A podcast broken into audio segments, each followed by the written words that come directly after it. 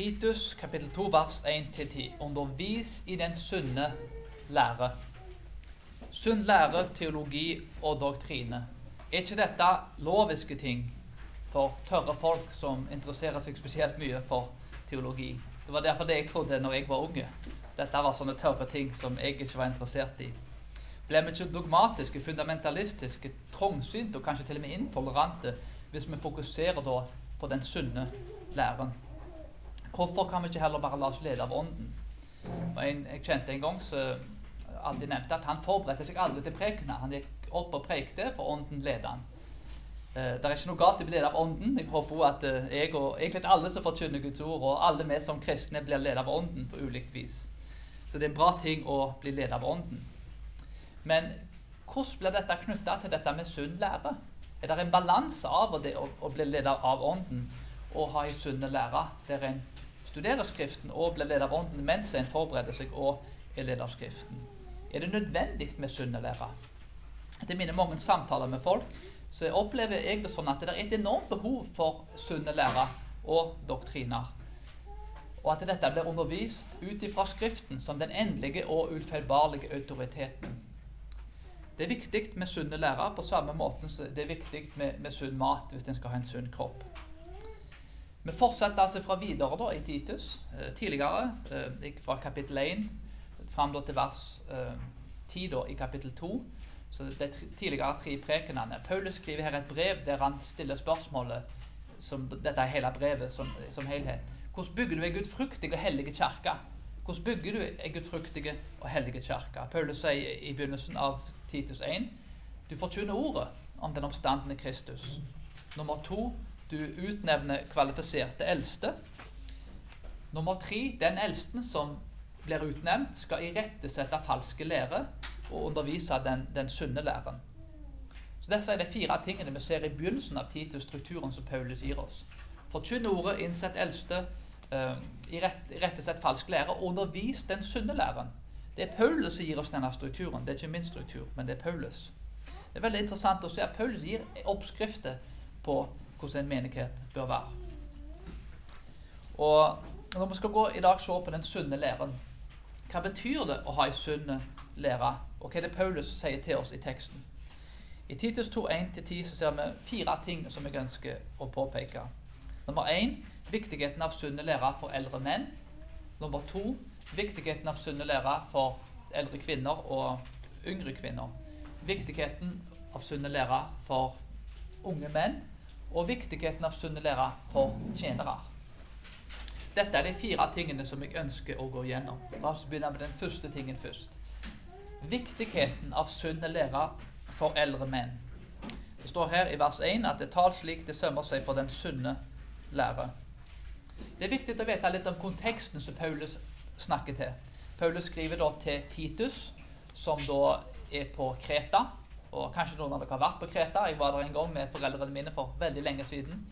Eh, når jeg var unge. Eh, veldig vakker plass. Veldig ja, kjekt å bade og veldig god blekksprut. Eh, veldig kjekk plass å besøke. Eh, en veldig vakker plass. Likt var det på den bibelske tida. Det ble kalt hagen til hele universet pga. dets skjønnhet, nytelse og profitt. Så estetisk så var dette en veldig fin plass. Så det var ikke den fysiske skjønnheten til Kreta som var problemet, men det var den åndelige skjønnheten. Hellas, uh, Kreta da, så, da var, ble en del av Hellas, men var ikke en, en, en åndelig plass. Det var ikke en, eh, en hellig plass. Det var ikke en plass der de frykta Gud. Vi ser tidligere at det var falske lærere og uheldige mennesker som gikk inn i menigheten og forkledde seg som rette lærere og villeda folk. Det var et problem.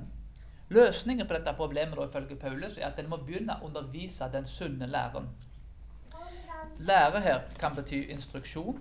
Det er altså noe en blir instruert i undervise er faktisk et bud eller en kommando.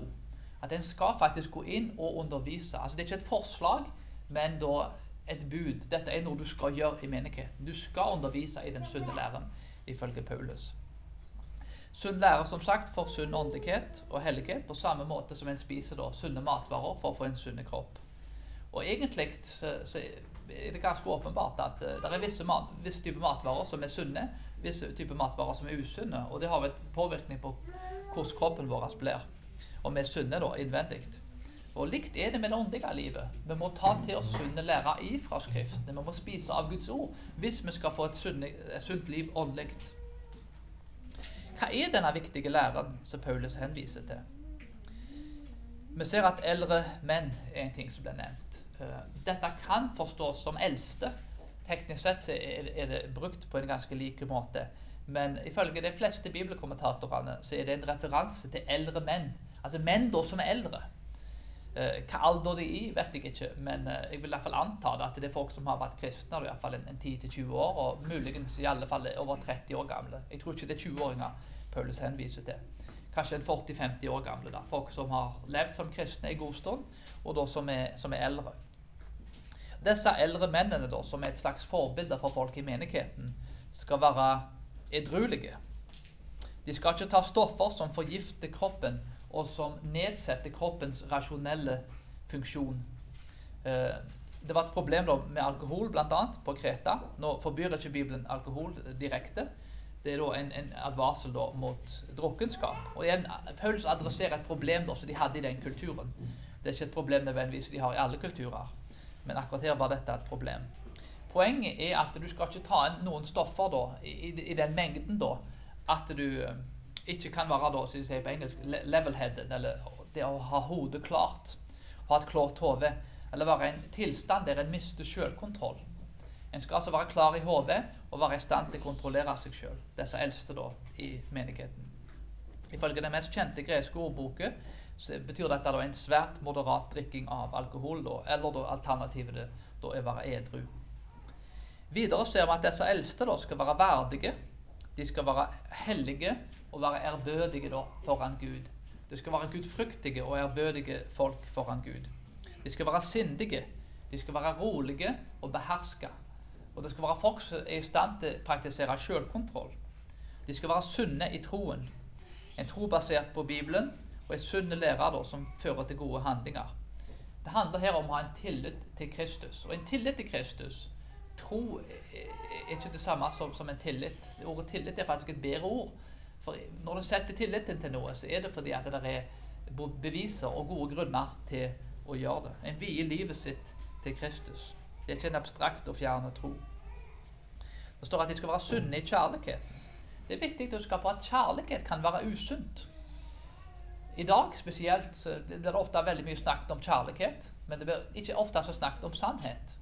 Hvis du hører samtaler med ulike kjendiser og, og mange andre sorter folk, så er det ofte snakk om min sannhet og din sannhet, ikke som den sannheten.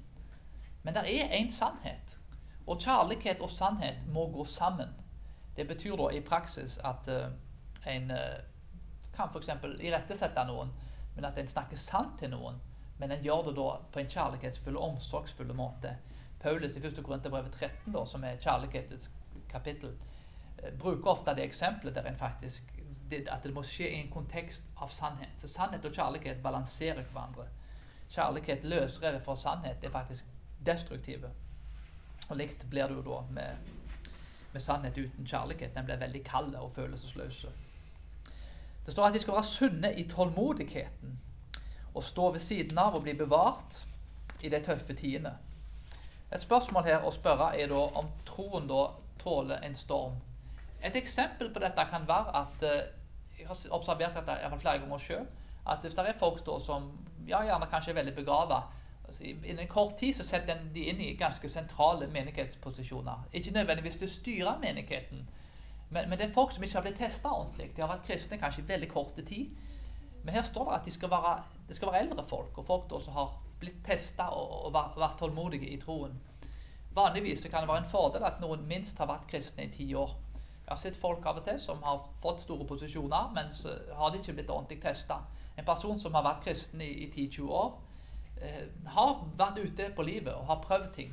Og har eh, blitt testa ordentlig og blitt utfordra i troen. Og En sånn person vil sannsynligvis ikke dette fra i samme grad som en unge person, som gjerne er kanskje begava, men som ikke har levd lenge nok som kristen. Og Derfor er det bibelske henvisninger til det at en, en skal ikke være ny i troen når en blir innsatt i lederposisjoner. Og gjerne i posisjoner der en er et forbilde for andre uten nødvendigvis å være en leder. Videre så ser vi at det skal være en seriøs person som har selvkontroll, og som en kan respektere. Eh, folk sa alltid om bestefaren min at eh, folk var veldig ofte uenige med han, men de respekterte han. Eh, så Sikkert både på godt og vondt. Men han var veldig uenige med folk og var veldig ærlig om det han mente. Men folk hadde respekt for han. Det var en, en, en god og ærlig mann. Men, men han, igjen, så du kan faktisk være uenig med folk. Du kan være sterkt uenig med folk. Du kan til og med tro at handlingsmønsteret deres ikke alltid er det beste, men du vet at de, de har tenkt igjennom posisjonen sin. Og de, de, det er folk som du kan respektere til tross for du er sterkt uenig med dem. Og det er et rykte her som de eldste da skal ha. Merk at disse tingene blir påpekt. Vi tenker ofte kanskje dette er jo selvinnlysende. Dette er selvsagte ting. Du trenger ikke nevne dette. Men igjen, det åpenbare og det som er selvinnlysende, det, det trenger ikke bli nevnt. Uh, det var ikke noe plakat, eller jeg har alltid sagt det nå, ikke ta med deg elefant inn her på møtet.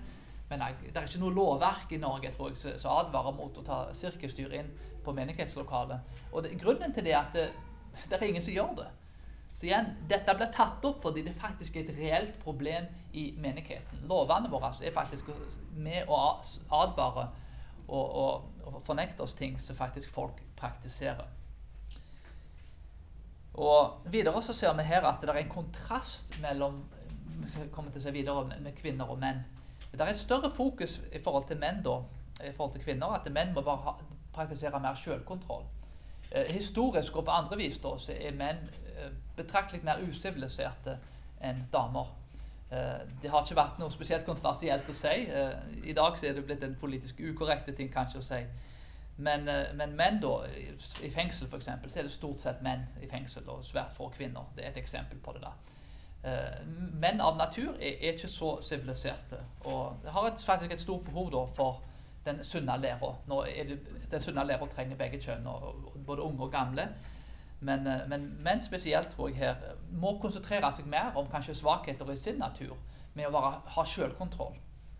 Så det er en, en, en viktig ting. Det er mange ting som, som siviliserer menn. Uh, har den episoden f.eks. fra, fra Bell, 'Skjønnheten og udyret'. da. Leser mye Disney-historier nå til den fire år gamle dattera mi. Det ser du at Bell, da, skjønnheten, er den da som siviliserer da udyret. Gjennom hele historien så har kvinner hatt en oppgave der å sivilisere menn. Det har vært en veldig liten kontrovers, lite kontroversielle ting gjennom historien. Men det er mange ting som siviliserer menn. Eh, ekteskap, eh, fedre, religion. Og den sunne læra, et fokus på å leve et hellig liv foran Gud, der Ånden virker i oss. Og det er dette her Paulus er med å fokusere på. Så menn trenger denne læra for å få bedre selvkontroll, for å være bedre eksempler for andre, og for å kunne lære opp de unge i menigheten. Alle menigheter må prøve å oppfostre denne typen eh, folk og, og, menn i menigheten. Og sunn lære må undervises og folk må bli en manifestasjon av den læra. Det er en tendens i dag til å se på ferdighetene til folk. Og se hvor dyktige folk er. Han er skikkelig begava og dyktige. Men det er kvalifikasjonene for eldste, både i Titus og, og Timoteus, eh, er faktisk moralske. Ja, du må kunne undervise, du må ha kontroll på huset, husholdningen. Eh, men det er faktisk moralske kvalifikasjoner. Og det er en av de store feilene som faktisk mange gjør at en tar ikke de moralske kvalifikasjonene og, setter dem som et fundament. At det er faktisk viktigere enn begavelsene til folk.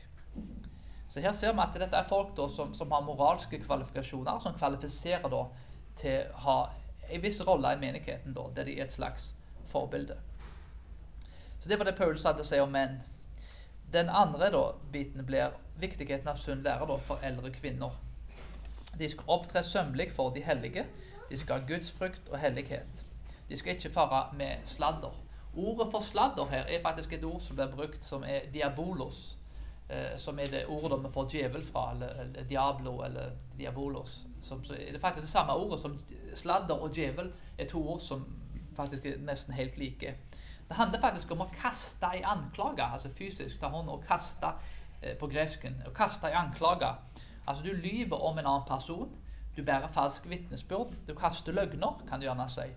Og du bryter det niende budet. Eh, den lutherske versjonen har en annen rekkefølge. Så det, det blir jo det blir ikke helt likt der. Men vi, ja, vi, kategoriserer budene annerledes. Det blir det niende budet for en presbyterianer. Bare sånn at det ikke det blir forvirring rundt det. Eh, men uansett så blir rekkefølgen ikke det viktigste. Det er det budet som eh, å bære falsk vitnesbyrd som en er med bryter hvis en gjør dette. Sladder fra et bibelsk perspektiv er, altså Det å bære falsk vitnesbyrd er faktisk mye verre fra bibelsk perspektiv enn vi ofte tenker. Når du lyver, så er du med å bygge opp Satans rike, fordi Satan er løgnens far. Så du er faktisk med å bryte det første budet med at du har andre guder enn den bibelske guden. Du er med å lyge, og du bør bygge opp Satans rike. Løgner er, er, faktisk noe av det mest destruktive for et samfunn. Eh, det er mange eksempler på det, men du har han eh, Aleksandr Solzjenitsyn, han eh, som satt i Gulag-leirene i kommunist-Russland. Og, og, han beskrev det altså, som, et, et løgnens rike. Da. Et samfunn som var bygd opp på løgner. og leda til at de satt folk i leirer og drepte da 100 millioner folk. Så Det begynner kanskje med enkel løgn, men et samfunn som blir bygd opp på løgner, eh, kan få fatale konsekvenser for et samfunn. Så det å fare sladder er en alvorlig ting. Eh, forhåpentligvis vil det ikke lede til så alvorlige ting. Eh, men, eh, men, det kan gjøre det hvis det blir nok løgner i et samfunn. Videre så står det at de skal ikke være henfalne til vin, eller til mye vin. står Det faktisk. Det skal ikke være slavbonden til mye vin. Alkohol da var et problem i denne kulturen, og drukkenskap da i Kreta ble sett på som en dyd blant en del folk. Eh, det var det òg si, på bygda på Karmøyene der jeg vokste opp. Det var 20, 20 øl på en lørdagskveld. Eh, det var kunne sett på som en store ting. Ble skikkelig fulle. Så det var litt av den samme kulturen der. da. De kalte det Karmøyvatn. Si. De, de drakk det nesten som vann. Men, og jeg overdriver ikke når jeg sier det. Ikke på noen som helst måte. Så det var litt, litt av den kulturen, eh, litt av den bygdekulturen jeg vokste opp i. At det var, det var, en dyd både for kvinner og menn faktisk å, å bli skikkelig fulle. Så Kreta hadde åpenbart og, eh, og når jeg mener skikkelig fulle, så mener jeg skikkelig fulle. Så det var en av de samme problemene da, virker det som, som, som Kreta da hadde her. Videre så står det at uh, disse kvinnene da skal være lærere i det gode. Og i Efesus så ble kvinnene fortalt at de ikke skulle undervise vranglære, men her ble de fortalt at de skulle undervise i det gode. Ikke undervise det som er feil, selvsagt, men undervise det som er godt. At det er en kobling da mellom et sunt liv og ei sunn lære. Det står at de skal elske sine menn og sine barn. Dette er en kultur med arrangert ekteskap. Så det, det at Ordet kjærlighet er faktisk et, et, et vanskelig ord sikkert å nesten forholde seg til i en sånn type kultur. Eh, kvinner flytta ikke inn. Eh, eh altså til, til, til, familien sin før de hadde blitt opplært og hvordan de skulle ta vare på et hus. Og igjen, dette med kjærlighet, det å elske noen, var nok en, en, en, ting som utvikla seg i, i mye senere tid. Iallfall den måten vi forstår det på i dag. Så dette er et ganske radikalt bud av Paulus. Det er ikke noe som er sjølinnlysende i denne kulturen. Det er svært viktig her at det står at en skal elske sine menn og sine barn. Familien er det nærmeste nesten vi har. Vi skal elske vår neste som oss sjøl. Og det er ikke uvanlig både blant ja, spesielt kanskje misjonærer og pastorer og pastorfamilier, men også blant andre folk, at en faktisk er veldig you know, grei med andre folk, men en faktisk ender opp med å ikke elske sin egen familie, og en ikke setter dem først. Uh, det er svært viktig at, en, at familien blir sett på som en neste. Da. At en faktisk er der først og fremst for sin egen familie. Da. Dette da blir jo at kvinnen da elsker sine menn og sine barn. At det blir førsteprioriteten. Har du en god og sterk familie, så kan du òg bidra til flere ting i kirka og være en større ressurs for samfunnet ellers. Så Det er veldig viktig med familien at dette grunnlaget blir lagt på plass. Videre så står det at de skal være sindige, rene. De skal være huslige, står det. 'Working at home' da, på engelsk. Eh, I romersk kultur da, så var det ikke så mange damer som det var menn. Den romerske kulturen var Jeg liker ikke alltid det ordet kvinneundertrykkende, fordi det er et ord som ofte ble misbrukt. Men denne kulturen var altså da kvinneundertrykkende, eh, noe som mange ordkulturer er i dag. Eh, en av tingene de gjorde, var at de, de drepte jentebarn, kanskje fram til to år gamle. da. Masse rike romerske familier hadde kanskje seks-sju gutter og ingen jenter. Og det var ikke pga. tilfeldigheter, det var pga. at de planla de ville kun ha gutter. Sånn er det faktisk i mange land i verden i dag. Jeg har bodd på mange kontinenter, og det å ha guttebarn er mye gjevere enn det å ha jentebarn. Eh, jeg vet I Kina blant annet, så, så er det veldig vanlig å, å ta bort hvis de da får jentebarn. Iallfall vært det tidligere. Fordi alle vil ha gutter. For det er mye gjevere, og de viderefører familienavnet og, og den typen ting. Så i denne kulturen da, det var en veldig, altså Kvinnen da ble sett på som mannens eiendom i en veldig negativ forstand. Der mannen hadde alle rettigheter, og det var en veldig dobbeltstandard. Der menn hadde lov til å gjøre masse ting som var ugudelige og uheldige. Det var en, absolutt en kvinneundertrykkende kultur. Og Det var en singel kvinne i en sånn kultur var veldig nedsett, fordi det var, det var mangelvare for kvinner. Det var såpass mye barnedrap og, og, andre ting som gjorde at det rett og slett var mye mer menn enn kvinner. Og dermed da var det viktig at de få kvinnene da som var, eh, måtte gifte seg. Og det å være singel var sett på som veldig negativt. Det var noe kristendommen forandra senere. Eh, det er en kommentar angående det å være huslig og det å jobbe hjemme fra R.C. Sproul, en av de store teologene som sikkert mange her har hørt og lest. Han sier det å jobbe hjemme betyr ikke at det er forbudt å jobbe utenfor hjemmet, men det er altså her en advarsel mot latskap. Eh, arbeidet de jobber, er, uansett hvor han jobber, må rettes mot husholdningen da, under mannens autoritet. som det står her. Dette vil se veldig ulikt ut i praksis i visse tidsperioder. Eh, jeg er faktisk i Amerika nå. Eh, bor der fram til, til januar. Og, og, jeg har faktisk ikke lov til å jobbe i Amerika. Så jeg er faktisk hjemme med ungene på fulltid nå fram til januar, mens, mens kona mi jobber da, fem dager i uka. Eh, visse livssituasjoner gjør at en, en eh, ja, eh, det, det, vil se veldig ulikt ut i forhold til hva kontekst en er i. Men altså, jeg skal jobbe da for husholdningen. Det står her at en skal være underordna sine egne menn, sånn at Guds ord ikke skal bli spotta.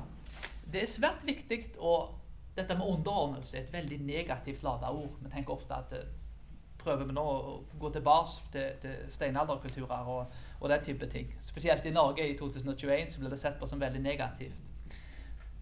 Men poenget her er at dette er skrevet til en kultur som faktisk da undertrykker kvinner. Og målet her er at Guds ord ikke skal bli spotta. Eldre kvinner var, var, var håna i komedier, de var sett ned på.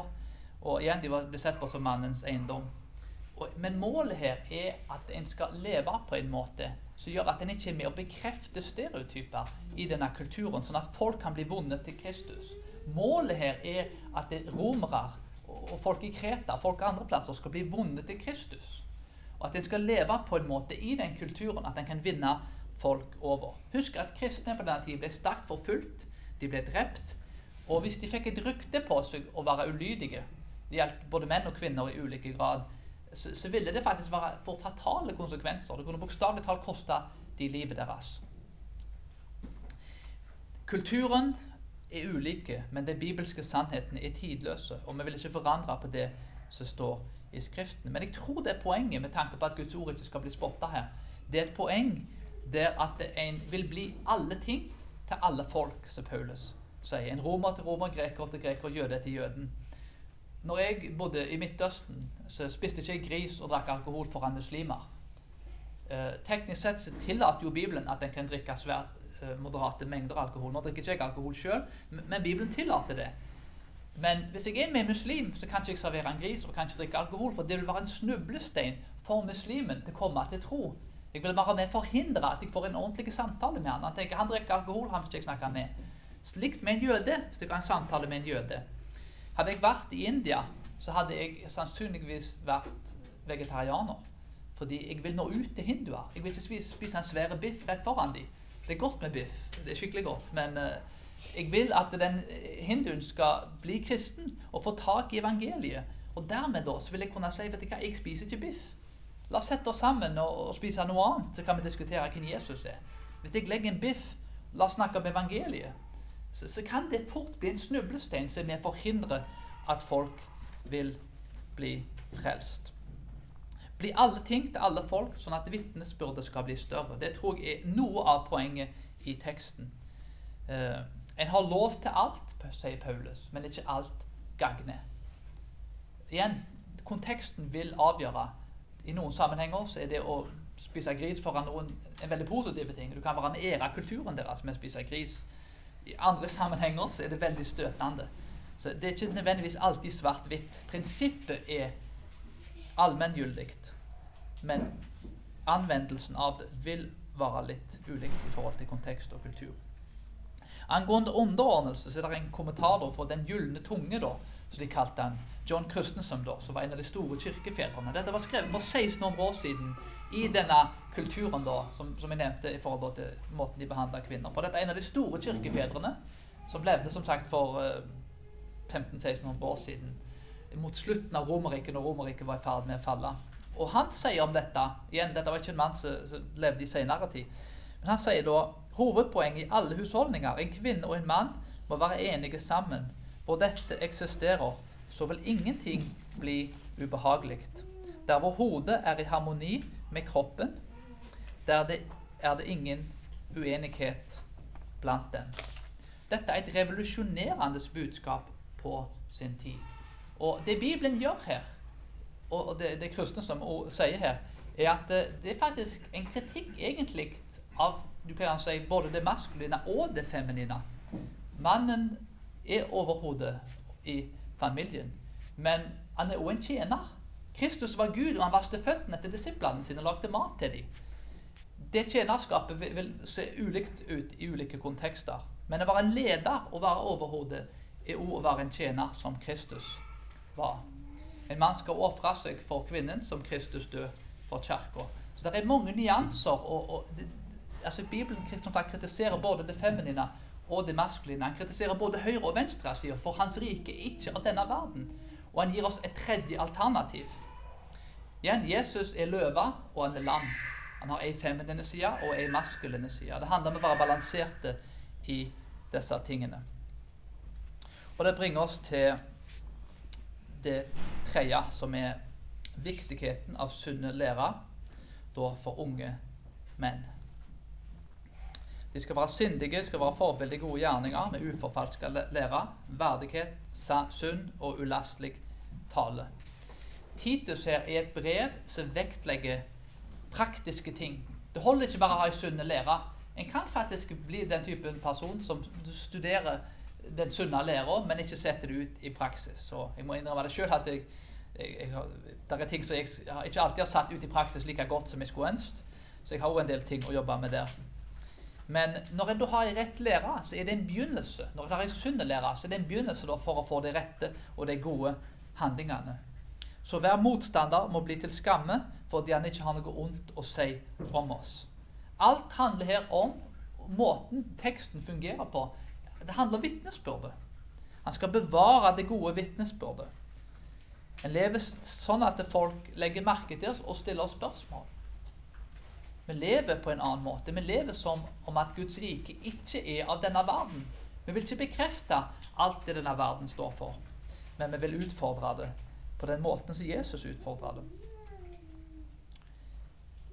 Et eksempel som illustrerer noen av disse tingene som jeg har snakket om. Det var ett eksempel eh, en gang i, en gruppe som vi hadde.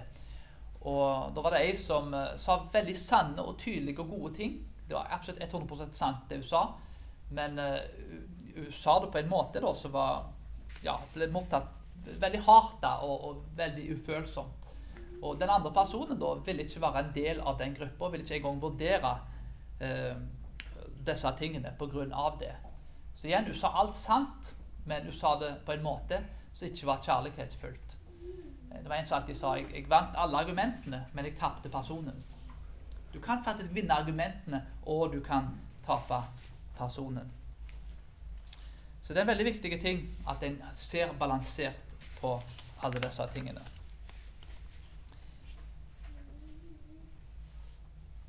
Anvendelsen her blir da at vi må ha den sunne læren men at det må komme ut i, i praktiske handlinger der vi formidler ting i kjærlighet. Der vi setter oss ned og sier kanskje til noen vi kjenner godt at ja, jeg er glad i deg, du er en bra person, men dette handlingsmønsteret er destruktivt, og det er, vi fører deg på feil vei. Igjen, det handler om den balansen. Og uavhengig av hva personlighet vi har, så må vi strekke oss kanskje mot å være mer sannhet eller mer kjærlighet. Vi må være balansert i de tingene. Det fjerde punktet, da, som blir det siste punktet, er at viktigheten av sunn lære for tjenere. Tjener eller slave da, i Skriften er referanse da, til slaveri. Når vi hører dette, så tenker vi kanskje at dette er noe veldig negativt. Og igjen, slaveri er negativt, absolutt. Men i Romerriket Vi tenker ofte at slaveri var noe etnisk. Eh, det var det ikke i Romerriket. Hvem som helst kunne bli slaver. Eh, det var heller ikke noe som varte livet ut, sånn som det var da i, i, på 1600-tallet. Det var noe som du, du jobba for en viss tidsperiode, og så ble du frigjort. Slaver hadde høye stillinger, de var ofte godt utdanna, de hadde mat, hus og alle de vanlige tingene. De hadde stort sett det folk flest hadde. Eh, det eksisterte en stereotype her som Paulus prøver å argumentere mot. Der slaver var late, og de stjal fra mesteren når de kunne. Så jeg tenker ofte at slaver, slaver alltid var lydige, gjorde alt det rette, men, men, det var de altså ikke alltid. Vi ser også at Paulus sier at slaver må jobbe for friheten når de har mulighet. Og vi er alle faktisk slaver for Jesus Kristus. Og vi er kalt til å være hans tjenere eller, slaver. En tjener skal være lydige mot sine egne herrer i alle ting, står det. Han skal rette seg etter, den, et, etter mesteren sin uten å si imot. Det står at han ikke må stikke noe til seg, og han må vise troskap. Hvorfor? Så det i alt kan være en pryd for Guds for frelsers lære. Igjen, det handler om vitnesbyrde. Det er ikke alltid at mesteren fortjener at du skal være lydig. Det er ikke alltid sjefen vår på jobben kanskje fortjener at den er lydig. Men en gjør det for vitnesbyrdet sjøl. Målet er at mennesker skal bli frelst. En slave da, som er en kristen, og mange slaver ble kristne. Til tross for disse tekstene står, så var det veldig veldig mange som ble kristne, som var slaver. Evangeliet var kjempepopulært i Romerriket blant kvinner og blant slaver. Det var de to gruppene som, som var, var mest attraktivt for. Så det var jo åpenbart noe her som hadde stor betydning for slaver. Og En av tingene her er at det, Paulus kunne sagt gjør opprør, knus Romerriket, ta Cæsar, knus tronen hans, ta over Romerriket og, og forandre alt. Det er at slaveopprørene med historien de lykkes nesten aldri. Jeg tror faktisk ikke det er nesten ett eksempel i historien på at et slaveopprør har ført til gode ting langsiktig. Men Jesus og Paulus har en større plan. De vil forandre hjertene til folk, tankemønsteret og livssynet til folk, så det kan forandre kulturen der korset står i sentrum. Og dette da vil gjennomsyre hele samfunnet. Så Jesus starta en revolusjon. Han starta et slaveopprør, men det begynte i hjertene til folk. Hvis du ikke forandrer hjertene til folk, så hjelper det svært lite hvor mange strukturer som blir forandra. Les dette i konteksten av kulturen det er skrevet til. En slave skal altså unngå å være stereotypiske, men være bedre, tjene for å vinne over sin mester til Kristus. Mange kretere var opprørske og en vil altså ikke gå inn og bekrefte uheldige stereotyper. Hva betyr dette? Betyr det at slaven skal finne seg i alt, og en skal bare godta alt urett som ble gjort mot en? Eh, et eksempel var at det var vanlig å seksuelt misbruke slaver i Romerriket. Vi vet at Bibelen har strenge lover mot uh, utroskap og hor. Og dermed da, i en sånn situasjon så måtte jo en slave sagt da, at uh, jeg skal bli den beste slaven, men, men dette er, går imot troen min. Så dette kan jeg ikke Jeg kan ikke være med på disse tingene her. Så en må sette en hånd ut og sette en stopper for visse ting. En skal altså ikke da synde for å tjene mesteren sin. Så det går en grense med alle ting. Men når det handler om da, å tjene mesteren i, i ting da, som faktisk er en del av jobben, lage mat eller utdanne barnet til, til, til mesteren, da, eller, som var veldig vanlig i Romerriket, så har da slaven en mulighet der til å vinne han over til Kristus med den typen handlinger. Hva er anvendelsen her? Tjent på en god måte og ikke gå kompromiss med samvittigheten. Jeg var faktisk i, i Taiwan. Jeg, bodde, jeg, var misjonær i Taiwan ca. i halvannet år. Kona mi var der i tre år. Og Vi besøkte ei, ei stamme oppe i fjellet. Var, det var blitt kristen der, men så hadde blanda en del hedenske tradisjoner med kristendommen. Og De ville da at vi skulle delta i en, en hedenske skikk i et kristent format. Og vi måtte si nei til det. Egentlig så kunne det gjort at vi ble bedre kjent med dem og viste at vi deltok i deres ritualer og kanskje kunne delt mer gode ting med dem. Men det kom til et punkt der vi måtte si nei da. Og si at nei, vi, vi kan ikke delta i dette, for det strider imot troen vår. Og det endte faktisk opp med å bli en bra ting, og vi fikk faktisk mer respekt og gode samtaler i etterkant som et resultat av det. Så det blir jo en anvendelse. at En skal ikke gå, gå, gå på kompromiss med en egen samvittighet. En skal stå på Guds ord og finne den balansen med å være lydige, men òg å sette en stopp når det kommer til sannhet. Men hva er det som gjør det mulig for oss å praktisere alle disse tingene?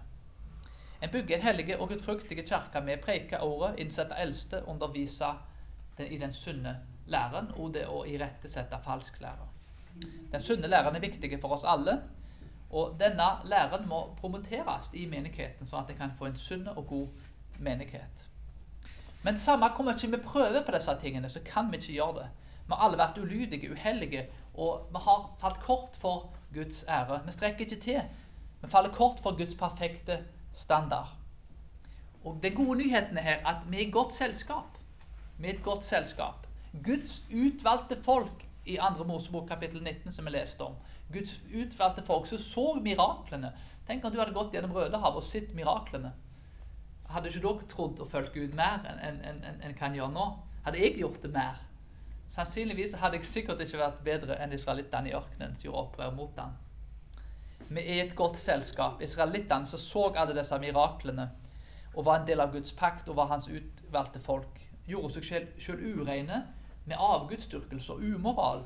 Men til tross for det til tross for alle feilene de gjorde, og det er en lang liste med feil de gjorde, det er ikke få feil de gjorde, så lovte Gud at han ville gjenopprette dem. Han ville sende dem tilbake, og han ville gjøre dem til et helt folk igjen. Vi ser dette løftet i Esekiel 36. Og dette løftet ble oppfylt i Jesus Kristus. Han var alltid syndig, alltid perfekt i gode gjerninger. Alltid underordnet. Han stjal aldri, visste alltid troskap, var sunn i troen. I kjærlighet og i tålmodighet. Hele denne lista i Titusbrevet er ting som Jesus oppfylte. Og fordi han oppfylte det, så slipper vi å gjøre det. Det betyr ikke at vi ikke skal prøve. Det betyr ikke at vi ikke skal gjøre vårt beste. Men vi vet at vi hviler i gjerningene og kravene som han oppfylte. Og dermed så da går vi ut i hans ferdiglagte gjerninger, og ikke våre egne. Så Hver gang vi ser på denne lista sier jeg kan ikke følge denne lista Jeg vet selv at jeg har sannsynligvis brøt mange av de tingene på den lista. Men takk og pris at jeg ikke hviler i mine gjerninger. At jeg ikke hviler i Jonas sine gjerninger. Men at jeg hviler i nåden og i Guds gjerninger. Jesus gjør oss og Kirken rene for gode gjerninger. Vi er blitt kjøpt med et dyrt blod, og vi tilhører Gud for alltid. Så la oss gå ut og hvile i den nåden og prøve å oppfylle det som står. I visshet om at vi vet at dette vil ikke frelse oss. Men vi prøver så godt vi kan å leve hellig fordi vi allerede er frelst. La oss be.